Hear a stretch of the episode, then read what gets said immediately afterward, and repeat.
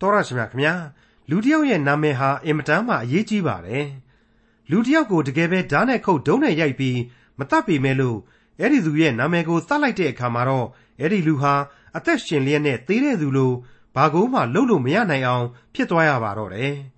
သူ့အကြောင်းကြားခဲ့ကြတဲ့သူတွေဟာသူ့ကိုမမြင်မတွေ့ခင်ကတည်းကယွတ်နေကြတာကြောင့်ဖြစ်ပါတယ်ကိုယ်နာမည်ကိုတခြားသူတွေကမတတ်ပေမဲ့ကိုကိုယ်တိုင်ပြန်တတ်ကြတဲ့သူတွေလည်းရှိကြပါတယ်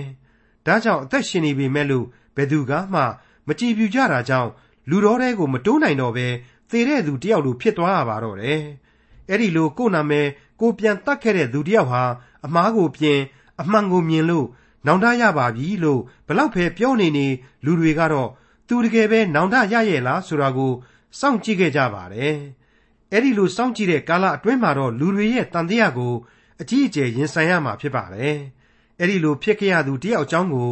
ဒီကနေ့တင်ပြရတော့တမချန်းအစီအစဉ်မှာလေ့လာမှာဖြစ်တဲ့ခရိယန်တမချန်းဓမ္မသစ်ကျမ်းပိုင်းတွေကဂလာတိဩဝါဒစာအခန်းကြီး1အခန်းငယ်17ကနေအခန်းငယ်24အထိမှာတွေ့ရမှာဖြစ်ပါတယ်။နာမည်ပြတ်ဖို့လွယ်သလောက်နာမည်ပြန်ကောင်းဖို့ဆိုတာဟာအင်မတန်မှခက်ခဲလာတဲ့အကြောင်းဂလာတိဩဝါဒစာအခန်းကြီး1အခန်းငယ်17ကနေအခန်းငယ်24အထိကိုဒေါက်တာထွန်းမြတ်အေးက အခုလိုရှုမြင်တင်ပြมาဖြစ်ပါတယ်။ကျွန်တော်တို့ဟာဂလာတိဩဝါဒစာအခန်းကြီး1ရဲ့အဆုံးသတ်ပိုင်းကိုရောက်ရှိလို့လာကြပါပြီဒီအပိုင်းတွေဟာရှင်ပေါလုရဲ့ပုဂ္ဂိုလ်ရေးဘဝအတွေ့အကြုံတွေနဲ့ထုံမှန်းနေတယ်လို့ကျွန်တော်ပြောချင်ပါတယ်သူ့ရဲ့အာရေဗျဂန္ဓာယအတွေ့အကြုံတွေယေရုရှလင်မြို့မှာအခြားသောတမန်တော်များနဲ့သူနဲ့ဆုံစည်းခဲ့ပုံတွေပြီးတော့အန်တီအိုဆိုတဲ့မြို့မှာရှင်ပေတရုနဲ့ဆုံတွေ့ခဲ့ပုံတွေကိုတွေ့သွားကြရမှာဖြစ်ပါတယ် အဲ့ဒီပုဂ္ဂိုလ်ရေးအတွေ့အကြုံတွေဟာအခန်းကြီး2ရဲ့အလယ်ပိုင်းလောက်အထိဆက်ပြီးတော့လေတွေ့ရလိမ့်မယ်လို့ကျွန်တော်ကြိုတင်ဖော်ပြထားနေနေပါတယ်အခုဂလာတိဩဝါဒစာအခန်းကြီး1အငယ်7နဲ့7ကိုစတင်ကြပါစို့ညီအကိုတို့ငါဟောပြောသောဧဝံဂေလိတရားသည်လူတို့ဤတရားမဟုတ်လူထံမှငါခံရသည်မဟုတ်ယေရှုခရစ်၏ဗျာဒိတ်တော်မှတပါအခြားသောဥပရိသကိုငါမခံသည်အကြောင်းသင်တို့အားငါကြားလိုက်ရ၏ စကလေးကအေးဆက်ဆက်နိုင်တဲ့လေသံဟာအခုအထိလည်းအေးဆက်ဆက်နေသေးပါပဲသူ့ရဲ့ဘဝဟာခရစ်တော်ကြောင့်ပြောင်းလဲခဲ့တယ်။အခုသူရေးသားနေတဲ့ဩဝါဒတို့စီမှာလေကယ်တင်ရှင်ရဲ့ဗျာဒိတ်များကိုသာသူခံယူထားကြောင်းကိုအတိအလင်းဖော်ပြလိုက်ပါတယ်။မိတ်ဆွေအပေါင်းတို့နှုတ်ကပတ်တော်ဟာဘုရားသခင်ရဲ့ဗျာဒိတ်တော်တွေနဲ့ပြည့်နှက်နေပါတယ်။လူသားတို့အတွက်ကယ်တင်ခြင်းတရားလိုအပ်ခြင်းဆိုတာကိုသမိုင်းအဆက်ဆက်မှာဖော်ပြခဲ့သလိုပြည့်ညတ်တော်များကလည်းဖော်ပြခဲ့ပါတယ်။ ပုံဝတ္ထုတွေဟာလည်းဖော်ပြခဲ့တယ်ဆိုတာကိုကျွန်တော်ဘယ်လို့မှမငြင်းနိုင်ပါဘူး။အဲ့ဒီကြားတဲ့ဒီကယ်တင်ရှင်တရားကိုပြည့်ဝစေတဲ့ကယ်တင်ရှင်သခင်ခရစ်တော်ကိုယုံကြည်ခြင်းချင်းကပ်ကိုးကွယ်ခြင်းများကိုရှိနဲ့အားပြော့စေဖို့ထိုးနှက်ချက်တွေဟာရှိနေပါပြီ။ဒါကိုရှင်ပေါလုအလွန်စိုးရိမ်ပူပန်နေရပါတယ်။ယူရဘာသာရေးသမားတွေဟာဂလာတိအသင်းတော်ယုံကြည်သူတွေကိုအခြားသောဧဝံဂေလိဆိုတဲ့ သူတို့ရဲ့ခေဟောင်းအယူအဆတွေဘက်ကိုပြန်ပြီးတော့ဆွဲနေုံနဲ့မကသေးပဲနဲ့ရှင်ပေါလုဟာတပည့်တော်ဒီတဲကလူမဟုတ်ဘူးအမှန်တကယ်ခရစ်တော်နဲ့ဘာမှမဆိုင်ဘူးဆိုတာတွေကိုပါထည့်ပြီးတော့ပုတ်ခတ်မှုတွေတဖြည်းဖြည်းရှိလာတဲ့လက္ခဏာပေါ်ပါတယ်။ဒါကြောင့်တမန်တော်ကြီးရှင်ပေါလုကငါဟာခရစ်တော်ရဲ့ဗျာဒိတ်အရာတမန်တော်လုပ်နေခြင်းဖြစ်တယ်။တခြားဘယ်ဥပရိသတွေပြည့်ညတ်တော်တွေကိုမှအကိုအကာပြုနေသူမဟုတ်ဘူးဆိုပြီးတော့ဒီအပိုင်းမှာဖော်ပြလိုက်တာပါပဲ။ဂလာတိဩဝါဒစာအခန်းကြီး1အငယ်73နဲ့74 အဘယ်သို့နည်းဟုမူကားအထက်ကယူရဘာသာ၌နေ၍ငါကျင့်သောအကျင့်ဒီဟုသောဘုရားသခင်၏အသင်းတော်ကိုအတိုင်းတဲ့အလွန်ညှင်းဆဲဖြစ်စည်းကြောင်းကို၎င်းဘိုးဘေးတို့လက်မှငါခံရသောဤဥပရိသဘက်၌အထူးသဖြင့်စိတ်အားသန်လျက်ငါဤလူမျိုးတဲတွင်ငါရွယ်သူချင်းများတို့တဲ့ယူရဘာသာကိုကျင်လည်လက်ကျက်ကြောင်းကို၎င်းသင်တို့ကြားရကြပြီဂလာတိနယ်သားဒီထဲမှာဂျူးတွေကနေပြီးတော့ခရိယန်တွေဖြစ်လာကြသလို တခြားလူမျိုးတွေတွဲကလည်းအများကြီးပြောင်းလဲနေပြီဆိုတာရှင်းနေပါတယ်ငါဟာဂျူးလူမျိုးတယောက်ဖြစ်တယ်ဆိုတာကိုငါဤလူမျိုးတဲတွင်ဆိုပြီးပြောလိုက်တဲ့အတွက်ဒီအခြေခံအချက်ကိုတခြားလူမျိုးတွေစီကိုသူသိစေခြင်းနဲ့ဆိုတဲ့သဘောပေါ်လွင်ပါတယ်ပြီးတော့မှအဲ့ဒီဂျူးသို့မဟုတ်ယူဒလူမျိုးဖြစ်တာနဲ့အညီသူဟာအဆက်ဆက်သောဂျူးလူမျိုးတို့ရဲ့အစဉ်အလာအတိုင်းကြည်ပြင်းပြီးတော့အဲ့ဒီအစဉ်အလာအတိုင်းကျင့်သုံးခဲ့တယ်ဘိုးဘေးဘီဘင်တို့ဘုရားသခင်ကိုကိုးကွယ်တဲ့ပုံစံအတိုင်းပဲကိုးကွယ်ခဲ့တယ်ပြီးတော့ မောရှေခေပြည့်ညတ်တော်ဥပရိသတွေကိုငါဟာသိသဘောကျပြီးတော့တခြားသက်တူရွယ်တူတွေတက်တောင်မှဒီဘာသာတရားကိုငါလူမျိုးရဲ့ဘာသာဆိုပြီးတော့အလွန်လေးစားခဲ့တဲ့လူတစ်ယောက်ဖြစ်တယ်။အအဲ့ဒီလိုဂျူးဘာသာကိုကြိုက်လွန်းလို့လေခရစ်တော်ကြောင့်ဖြစ်ပေါ်လာတဲ့အသင်းတော်ကိုငါအယံမုန်းခဲ့တယ်ဖျက်လို့ဖျက်ဆီးလုပ်ခဲ့တယ်ဒါတွေကိုလည်းမင်းတို့သိကြပြီးဖြစ်တဲ့အတိုင်းပဲတဲ့အဲ့ဒီလိုသိပြီးသားကိုထပ်ပြီးပြောတယ်ဆိုကြတဲ့ဘလောက်အထိဒီပြောင်းလဲခြင်းဟာအရေးကြီးတယ် ဘုရားသခင်ကိုကိုးကွယ်စည်းကပ်တယ်ဆိုတာမျိုးဟာယဉ်ကျေးမှုအမွေအနှစ်ကိုထိမ့်သိမ့်တာမျိုးမဟုတ်တဲ့ဘုရားသခင်နဲ့လူတစ်ယောက်ချင်းနဲ့သာဆက်နွယ်တဲ့ဝိညာဉ်ရေးကိစ္စသာဖြစ်တယ်ဆိုတာကိုသူသတိပေးတာနဲ့အတူတူပါပဲဒါလည်းမကအဲ့ဒီလိုပြောထားပါမှသူ့အနေနဲ့ရှေ့ဆက်ပြီးတော့ရှင်းပြရမယ့်အချက်တွေအတွက်ခိုင်ခိုင်မာမာပြောနိုင်ဆိုနိုင်ဖို့အခြေခံကောင်းရှိမှာကိုတမန်တော်ကြီးအနေနဲ့သိလို့တမင်ထည့်ပြောလိုက်တာပဲဖြစ်ရပါလိမ့်မယ်ဂလာတိဩဝါဒစာအခန်းကြီး1အငယ်15မှ18သို့တော်လေ ငါကိုအမိဝမ်းတဲကပင်ရွေးချယ်ခွဲထား၍ကျေးဇူးတော်အားဖြင့်ခေါ်တော်မူသောဘုရားသခင်သည်သားတော်ဤဧဝံဂေလိတရားကိုတပါးအမျိုးသားတို့၌ဟောပြောစေမည်အကြောင်းမိမိအလိုတော်နှင့်အညီသားတော်ကိုငါအားပြတော်မူသောအခါငါသည်အသွေးအသားနှင့်တိုင်ပင်ခြင်းကိုမပြုငါအရင်တမန်တော်ဖြစ်နှင့်သောသူတို့ရှိရာယေရုရှလင်မြို့သို့လည်းမသွားအာရဗ်ပြည်သို့ချက်ချင်းသွား၍တဖန်ဓမ္မသက်မြို့သို့ပြန်လေ၏အဲ့ဒီလောက်အထိဂျူးဘာသာမှဂျူးဘာသာ ယူဒမှယူဒဆိုတဲ့တမန်တော်ကြီးရှင်ပေါလုဟာအကြီးအကျယ်အံ့ဩဖို့ကောင်းလောက်အောင်သူမုန်းတီးခဲ့တဲ့ကယ်တင်ရှင်သခင်ခရစ်တော်ရဲ့ဝမ်းမြောက်ဖွယ်ဧဝံဂေလိတရားကိုမုန်းနေရကစနေပြီးတော့ပြောင်းပြန်ပြန်ပြီးတော့ယုံကြည်ယုံကြည်ယုံသားမဟုတ်သေးဘူးဂျူးဣသရေလမဟုတ်တဲ့တခြားအမျိုးသားတွေကိုပါဒီတရားအကြောင်းကိုလိုက်လံဟောပြောရမယ်ဆိုပြီးတော့ဘုရားသခင်အလိုတော်ရှိတယ်ဆိုတာကိုသူသိနာလေလာရတယ်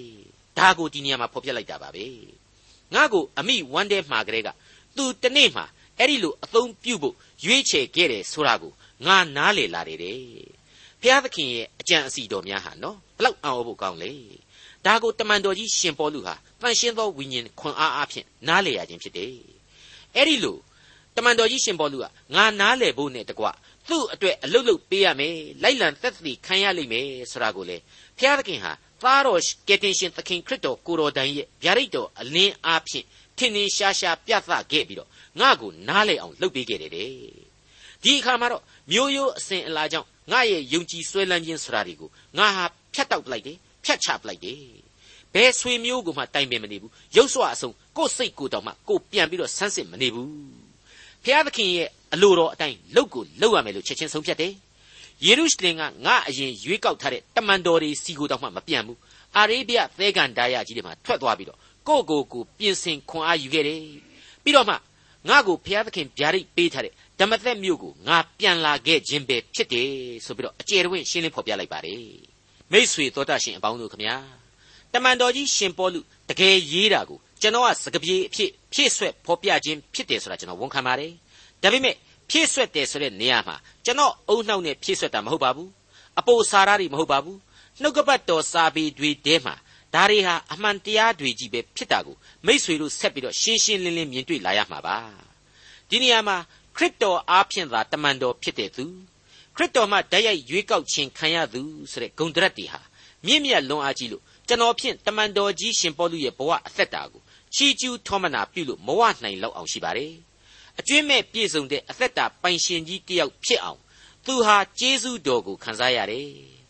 လူတယောက်အနေနဲ့တော့ ဒီကျေးဇူးတော်များကိုစံမှီအောင်ဆက်နိုင်တယ်မဆိုဝွင့်ပေမယ့်လောကတာဝန်ကြီးတွေကိုတော့သူဟာစံမတူအောင်ကြေပြွန်ခဲ့သောသူဖြစ်ပါလားဆိုတဲ့ခန်းစားတွေးတောချက်များနဲ့လေကျွန်တော်ဟာများစွာကြည်နူးနှစ်သိမ့်မိပါတယ်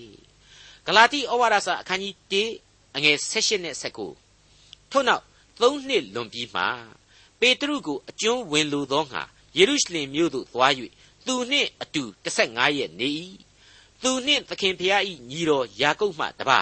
အခြားသောတမန်တော်တယောက်ကိုမျှငါမတွေ့မမြင်အထက်ကသင်ခန်းစာတွေမှာတော့ကျွန်တော်ပြောပြခဲ့တဲ့အတိုင်းပဲသူ့ကိုတမန်တော်အစ်စ်အမှန်မဖြစ်နိုင်ကြောင်ယောင်အမနာပပြောဆိုမှုတွေရှိခဲ့မှာအသေးချပါပဲဒီတော့ तू ကဟုတ်တယ်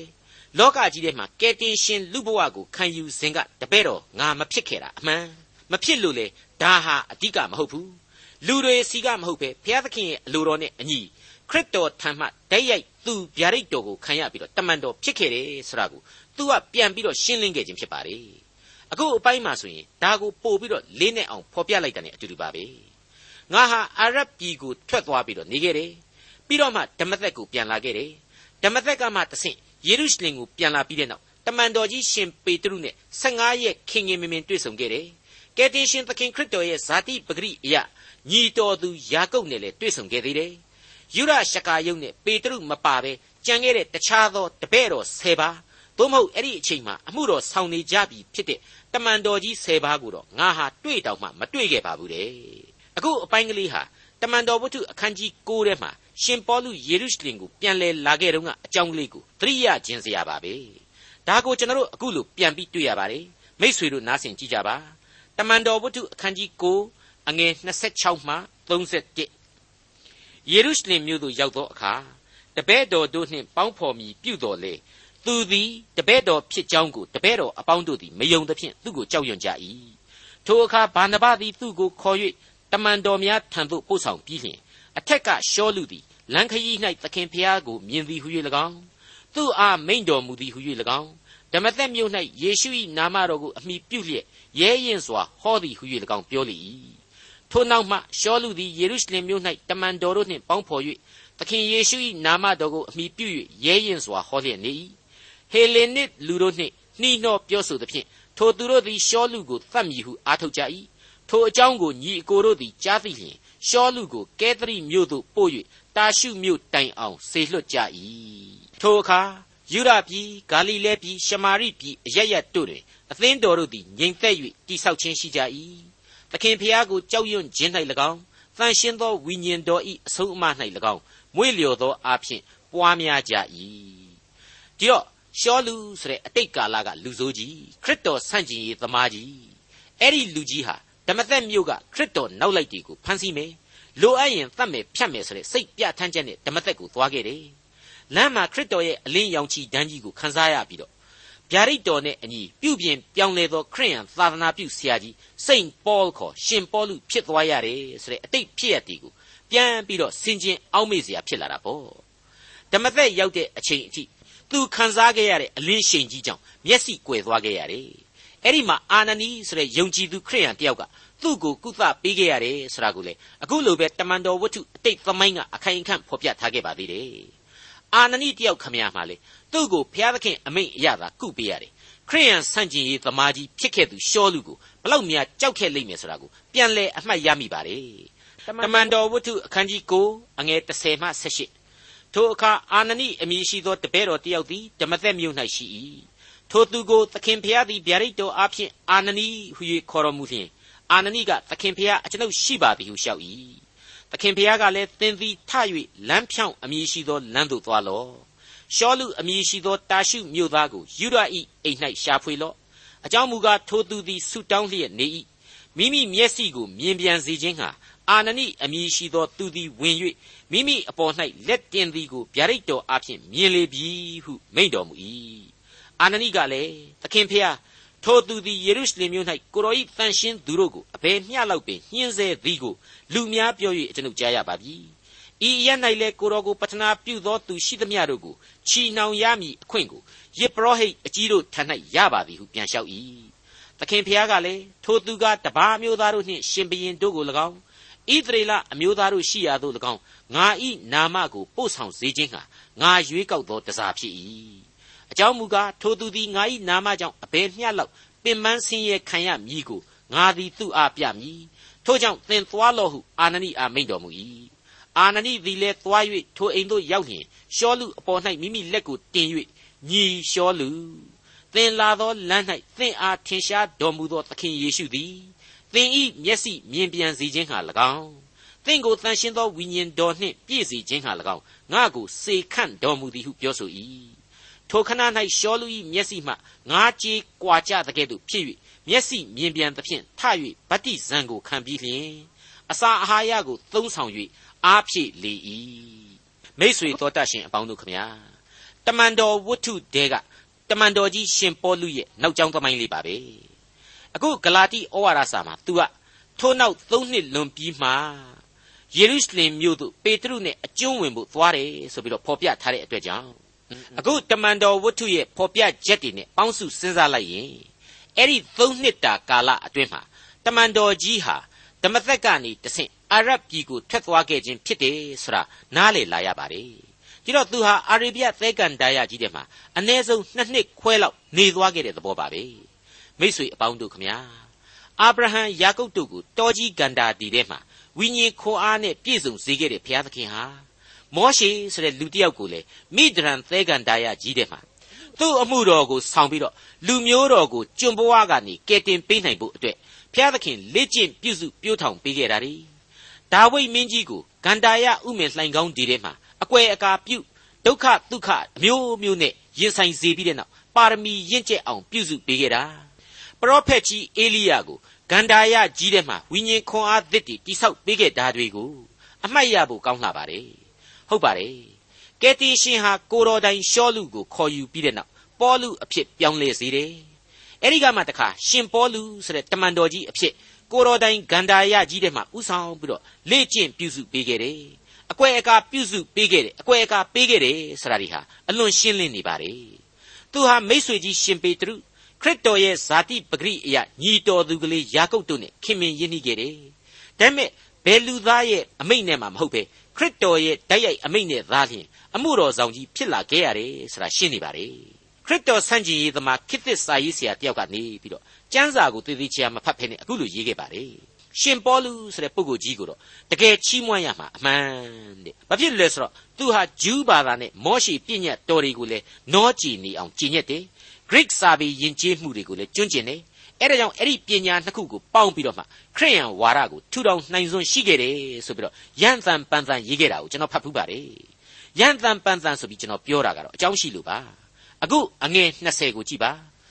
ဤသို့သင်တို့အားငါရေး၍ကြားလိုက်ပြီးတွင်မှုသာစကားကိုငါမပြောမသုံးဟုဘုရားသခင်ရှေ့တော်၌ငါဆို၏ငါဟာခရစ်တော်ရဲ့ဗျာဒိတ်နဲ့သားလျင်ဘုရားသခင်ရဲ့အမိန့်တော်နဲ့သားလျင်တမန်တော်ဖြစ်တယ်ဆိုတာကိုငါဟာလုံးဝမလိမ်ဘူး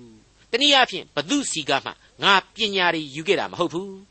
ဘယ်ဥပရိသအမိန့်ဒီကိုမှနားထောင်ပြီးတော့ငါအမှုတော်ဆောင်တာမဟုတ်ဘူးလို့ဘုရားသခင်ရှေ့တော်မှာငါဆိုဝွင့်တယ်တဲ့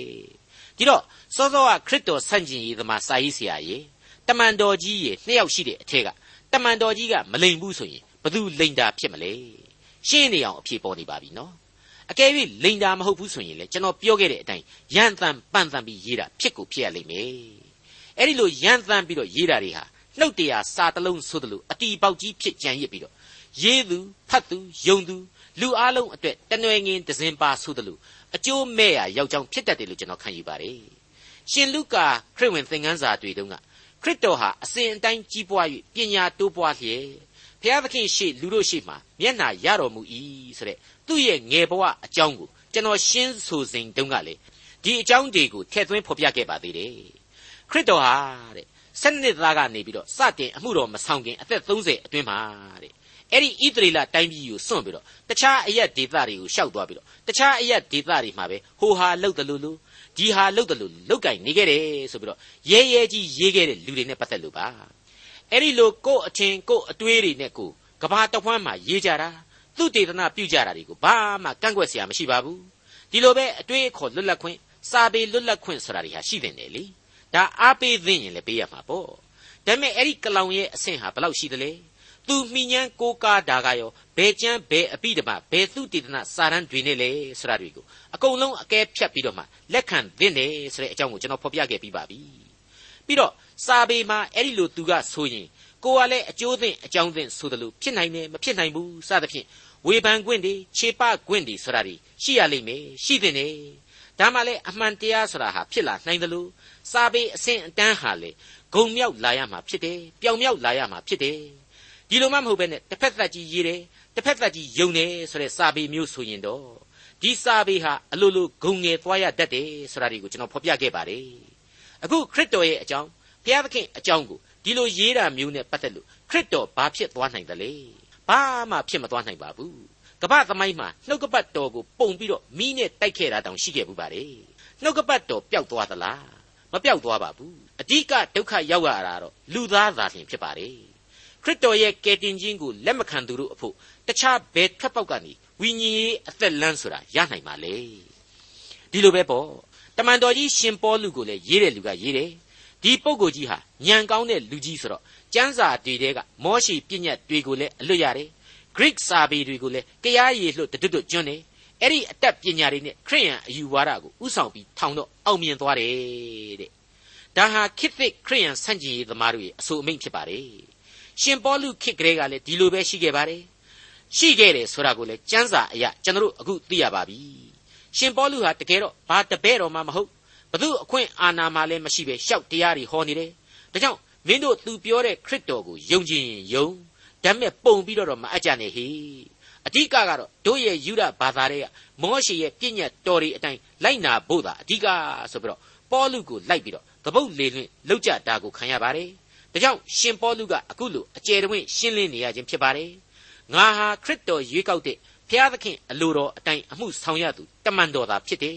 ငါအရှင်မှုသာကိုမသုံးဘူးတဲ့ဂလာတိဩဝါဒစာအခန်းကြီး1အငယ်27မှ24အဆုံးအထိ ထို့နောက်ရှုရီပြည်ကိလိကိပြည်သို့ငါသွား၍ယူရပြည်၌ခရစ်တော်၏ဘာသာကိုခံယူသောသင်းဝင်သူတို့သည်ငါမျက်နှာကိုမျှမသိမမှတ်ဖဲနေ၍ငါတို့ကိုညှင်းဆဲဘူးသောသူသည်အထက်ကမိမိဖြစ်စည်းသောယုံကြည်ခြင်းတရားကိုယခုမိမိဟောပြောသည်ဟုသူတို့ကြားယုံရှိကာများနှင့်ငါအကြောင်းကြောင့်ဘုရားသခင်ကိုချီးမွမ်းကြ၏ရှင်ပေါလုဟာခရိယန်ဆန့်ကျင်ရေးကိုအကြီးအကျယ်လုပ်ခဲ့တယ် တထေဖန်ကိုဂဲနဲ့ပေါက်တတ်ရမှာတောင်မှသူကိုယ်တိုင်ခေါင်းဆောင်ပါဝင်ခဲ့တယ်ဆိုတဲ့နောက်ကြောင်းကရှိလေတော့သူ့ကိုဘယ်သူမှမယုံဘူးအထူးသဖြင့်ခရိယန်တွေကိုဆိုလိုတာပါဒီလူကြီးပြောင်းလဲတယ်ဆိုတာဟုတ်မဟုတ်ပါမလားဖြစ်နိုင်ပါမလားဆိုတဲ့သဘောမျိုးပေါ့ဒါတွေကိုလည်းတမန်တော်ဝတ္ထုကိုကျွန်တော်ပြန်ပြီးတော့ဖတ်ပြတော့ကရှင်းရှင်းပဲတွေ့ခဲ့ရပြီးပါပြီအကယ်၍သာဘာနဘဆိုတဲ့ယုံကြည်သူတယောက်ကသာဝင်ပြီးတော့တက်တည်ခံမပေးရင်သူ့ကိုယေရုရှလင်အသင်းတော်ဟာဘယ်လို့မှတောင်မှလက်ခံမဲ့ပုံမျိုးမရှိခဲ့ဘူးဆိုတာတွေ့ရပြီးဖြစ်ပါတယ်တကယ်တော့ ယေရုရှလင်ယုံကြည်သူတို့ရဲ့အပြစ်လည်းမဟုတ်ပါဘူးရှောလူဆိုတဲ့လူဆိုးကြီးယူဒဘာသာကိုအသေးဆွဲနေတဲ့လူကြီးတယောက်ဟာအခုလိုပြောင်းလဲဖို့အလွန်အလွန်ခက်ခဲခဲ့ပါလိမ့်မယ်သူဟာရွယ်သူမိတ်ဆွေတွေတက်တောင်မှအယူအဆပိုပြင်းထန်ခဲ့လို့လေခရစ်တော်ကိုအသေးလဲမုန်းတီးခဲ့တာပဲမဟုတ်ဘူးလားဒီတော့မယုံလဲမယုံနိုင်ကြောက်လဲကြောက်မုန်းလဲမုန်းခဲ့လိမ့်မယ်ယွန်ကြောက်ကြီးဆိုပါတော့ဘလောက်အထိသူ့ကိုမုန်းတယ်လဲဆိုရင်တော့နောက်ဆုံးလူမိုက်တွေငှားပြီးတော့သတ်မလို့တောင်မှကြံစီကြပြန်လို့ကဲသရီဆိုတဲ့မြို့ တာရှုဆိုတဲ့မြို့တွေအထိပို့လိုက်ရတယ်ဆိုတာကိုလည်းတွေ့ရပြန်ပါတယ်ဟုတ်ပါတယ်ဒါကိုဖတ်ခဲ့တဲ့တမန်တော်ဝတ္ထုတဲမှာပဲကျွန်တော်တို့ကရှင်းရှင်းကြီးတွေ့ခဲ့ရပြီးသားပါမိတ်ဆွေအပေါင်းတို့တမန်တော်ကြီးရဲ့ပုံကိုယ်ရေးမှတ်တမ်းတွေမှုလို့ဩဝါဒမပြီးသားဘူးဩဝါဒမမြောက်ဘူးကျမ်းစာနဲ့မတူဘူးလို့များရောင်လို့တောင်မထင်ကြပါနဲ့နော်တမန်တော်ကြီးရဲ့ဘဝဒီပင်လျင်လက်တွေ့ဆန်သောဝိညာဉ်ခွန်အားများရဲ့ကြီးမုံမှန်ရိပ်အသွင်ကျွန်တော်တို့မြင်ရတယ်စိတ်ဝင်စားဖို့ကောင်းလာတဲ့သူ့ဘဝကိုအပိုင်း၃ပိုင်းခွဲပြီးကြည့်နိုင်ပါလိမ့်မယ် အထူးသဖြင့်ပထမဦးဆုံးသောအပိုင်းကတော့ကြမ်းတမ်းသောရှောလူဘဝပဲအသင်းတော်ကိုဖြိုဖျက်သုတ်သင်ဖို့ဆုံးဖြတ်ခဲ့တဲ့လူကြီးရဲ့ဘဝအကြောင်းတွေပဲဒါတွေကိုဆင်ခြင်နှလုံးသွင်းရတဲ့အခါမှာလောကကြီးအတွင်လူသားတို့ဟာလောကီပညာတွေကိုဘလောက်တတ်တတ်အရေးအချင်းတွေနဲ့ဘလောက်ပဲပြည့်ဝနေနေကိုယ့်ရဲ့ဇာတိပဂရိစိတ်ကိုအားကိုးနေသည်၍ကာလပတ်လုံးသစ္စာတရားကိုမမြင်နိုင်ဘူးသူနဲ့ရွယ်သူဒန်းတူဖြစ်တဲ့တထေဖန်ကို ခဲတွေနဲ့ဝိုင်းပေါက်ကြလို့သေငယ်စောမှမျောနေတော့ကသူတွေ့ခဲ့ရတဲ့အချိန်တထေဖန်ဟာခရစ်တော်ကိုယူပါယုံထဲမှာမျှော်ကြည့်ပြီးတော့ကျွန်တော်ကိုရုပ်သိမ်းတော်မူပါအဖာကျွန်တော်ကိုတတ်တဲ့လူတွေရဲ့အပြစ်တွေကိုလွတ်တော်မူပါဆိုတာကိုတထေဖန်ရဲ့နှုတ်ကကြားရတော့သူ့စိတ်ဟာမုတ်ချမသွေလှုပ်ရှားခဲ့လိမ့်မယ်ဆိုတာကိုကျွန်တော်ပြောခဲ့ပါတယ်တကယ်သာဒီခရစ်တော်ကိုတထေဖန်မြင်တယ်လို့ငါသာမြင်တော့ငါလည်းလက်တွေ့သမားပြီပြီ လက်ကိုခံပါပဲဆိုတဲ့အတွေ့အမျိုးရှိခဲ့လိမ့်မယ်လို့ကျွန်တော်တွေးမိတာကိုကျွန်တော်ဖော်ပြခဲ့ပါတယ်ဒုတိယအပိုင်းအဖြစ်ကတော့ဓမ္မသက်မြို့အသွားလန်ခရီးဘော်ကခရစ်တော်ရဲ့အလင်းရောင်အောက်ကရှောလူဘဝပဲဒါကိုပြန်စဉ်းစားရင်မမျော်လင့်ပဲနဲ့ခရစ်တော်ကိုဖူးတွေ့ခဲ့ရခြင်းအကြောင်းပေါ်လာပါတယ်ဒါဟာသူ့ရဲ့ပင်ကိုယ်စိတ်ဓာတ်ထဲမှာကသူဟာသစ္စာတရားကိုလိုချင်ရှာဖွေတောင့်တနေသောသူဖြစ်တဲ့အတွက်ကြောင့်ခရစ်တော်ကိုဖူးတွေ့ရခြင်းဖြစ်နိုင်တယ်လို့ ဖျားသခင်ဟာသူ့စိတ်ကြိုက်ရွေးကောက်တင်မြှောက်နိုင်စွမ်းရှိတယ်ဆိုတဲ့အချက်ကိုလေရှင်းရှင်းကြီးဖော်ပြလိုက်ခြင်းဖြစ်တယ်လို့တစ်ဖက်ကလည်းတွေးနိုင်ပါတယ်သူသိတာကခရစ်တော်သေပြီဆိုတာသာဖြစ်လေတော့သူခရစ်တော်ကိုဖူးမြင်ရတာကိုမယုံဘူးဒါကြောင့်အဲ့ဒီအချိန်မှာသူမေးခဲ့တဲ့အသံကတော့သခင်ကိုတော်သည်အဘယ်သူနည်းတဲ့ထူးဆန်းမနေဘူးလား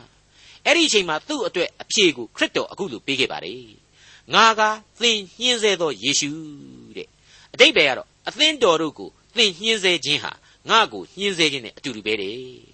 အဲ့ဒီအဖြေကိုခရစ်တော်ပေးခဲ့ပါတယ်အဲ့ဒီမှာသူ့ရဲ့ဘဝဟာစတင်ပြောင်းလဲသွားခဲ့ရပါတယ်ရှောလူဘဝကနေပေါလုဘဝကိုပြောင်းလဲခဲ့ရခြင်းပါဒါပေမဲ့သူ့ရဲ့ပြောင်းလဲခြင်းအသက်တာအစဟာဝိညာဉ်အလင်းကိုသာရတယ်လောကမျက်စိအလင်းတွေကွယ်သွားခဲ့တယ်မာမာနတွေကြိုးကျသွားခဲ့ရတယ်ရုပ်ပိုင်းဆိုင်ရာဒဏ်ရာတွေနဲ့ပြည့်နှက်သွားခဲ့ရပါတယ်အဲ့ဒီလိုပြောင်းလဲစနှစ်တွေကို ဂန္ဓာယခရီးသည်ကြီးဘဝနဲ့သူကုံလွန်ခဲ့ရပါတယ်အာရေဗျသဲဂန္ဓာယကြီးအတွင်းမှာပါအမှုတော်ကိုဆောင်ဖို့အရေးမှာသူဟာအဲ့ဒီအရက်ဒေသမှာဘုရားသခင်စီကဝိညာဉ်ခွန်အားများအသနာခံပြီးတော့မွေးမြူခဲ့ရပါတယ်ကာယခွန်အားများလည်းမုတ်ချမသွေတောင်းခံခဲ့ရမှာပါပဲယောမဩဝါဒစာအခန်းကြီး9အငယ်24မှာငါသည်ညိုညင်ရသောသူဖြစ်ပါသည်တကားဤအသေးကောင်မှငါ့ကိုအဘယ်သူကဲလွတ်မြည်နီဆိုတဲ့အသံဟာ သူ့ရဲ့နောင်တနဲ့ကျိုးပဲ့ကြေမွသောနှလုံးသားမှပေါ်ထွက်သောအသံပဲဖြစ်ပါတယ်တတ္တရပိုင်းတမန်တော်ကြီးရှင်ပေါလုရဲ့အသက်တာကတော့အခုနောက်ဆုံးမြင်ခဲ့ရတဲ့တမန်တော်ကြီးရဲ့အသက်တာပါပဲဒီတော့လူသားတစ်ယောက်ရဲ့အသက်တာပြောင်းလဲခြင်းမြင်ကွင်းတွေဟာပေတရုနဲ့ယောဟန်နဲ့မတူညီနိုင်ပါဘူးလုကာနဲ့ပေါလုနဲ့မတူညီနိုင်ပါဘူးဒါပေမဲ့ကယ်တင်တော်မူခြင်းကျေးဇူးတော်ကိုခံကြရသောသူတိုင်းတို့ဟာမိမိတို့ရဲ့အတိတ်ဘဝကိုတော့ပေးဆက်ခြင်းများစွာနဲ့ ခြံရစ်ထားကြရစမြဲဖြစ်တယ်ဆိုတာကိုကျွန်တော်တို့နားလေအောင်ပေါလုရဲ့အသက်တာဟာထင်ရှားစွာတက်တည်တည်နေတယ်။သွန်သင်ဆုံးမနေတယ်လို့ကျွန်တော်ဆိုချင်ပါတယ်။သမိုင်းသူတေဒီပေါင်းများစွာတို့ကတခဲနဲ့သဘောတူညီတဲ့အချက်ကတော့တူပြိုင်သဘောတူညီတဲ့အချက်ကတော့ရှင်ပေါလုဟာခရစ်တော်ရဲ့တမန်တော်ကြီးဖြစ်မလာရင်တောင်မှကမ္ဘာသမိုင်းဝင်အကျော်အမော်ပုဂ္ဂိုလ်ကြီးတယောက်ဖြစ်ခဲ့မှာပဲဆိုတဲ့အချက်ဖြစ်ပါတယ်။တန်တရားသိရှိစရာမလိုပါဘူး။ သူဟာပင်ကိုအရေးအချင်းအရာဘင်းလျင် တောက်မြမိခဲ့တရေရဲဖြစ်တဲ့လူတယောက်ပညာဉာဏ်ရှိသူလက်ယုံရည်နှလုံးရည်ရှိသူဆိုတဲ့အချက်တွေးကိုကျွန်တော်တို့ဟာနှုတ်ကပတ်တော်သင်ခန်းစာများအရာဘယ်လို့မှမငင်းနိုင်ပါဘူး။ဒါကြောင့်မို့လို့ဓမ္မသစ်သမိုင်းအစကသာခရစ်တော်ဤတန်ရှင်းသောဝိညာဉ်တော်၌အသစ်မွေးဖွားခြင်းမရှိခဲ့ဘူးဆိုသည့်တိုင်ပေါလုဟာအောင်မြင်တဲ့လူကြီးတစ်ယောက်တော့ဖြစ်ခဲ့မှာမဟုတ်ချသေးကြအမှန်အကန်ဒါပေမဲ့အဲ့ဒီသူ့ရဲ့အောင်မြင်ခြင်းတို့ဟာ သေခြင်းမြစ်ကိုမကြော်ဖြတ်နိုင်တဲ့လောကအောင်မြင်ခြင်းများအဖြစ်သာဒန္တာယီပမာကြံရစ်ခဲ့လိမ့်မှာဖြစ်တဲ့အကြောင်းလေးစားစွာတင်ပြလိုက်ပါရစေဒေါက်တာထွန်းမြတ်အေးစီစဉ်တင်ဆက်တဲ့တင်ပြရသောတမချန်းအစီအစဉ်ဖြစ်ပါတယ်နောက်တစ်ချိန်အစီအစဉ်မှာခရိယန်တမချန်းဓမ္မသစ်ကျမ်းပိုင်းတွေကဂလာတိဩဝါဒစာအခန်းကြီး2အခန်းငယ်1ကနေအခန်းငယ်30အထိကိုလေ့လာမှာဖြစ်တဲ့အတွက်စောင့်မျှော်နားဆင်နိုင်ပါတယ်။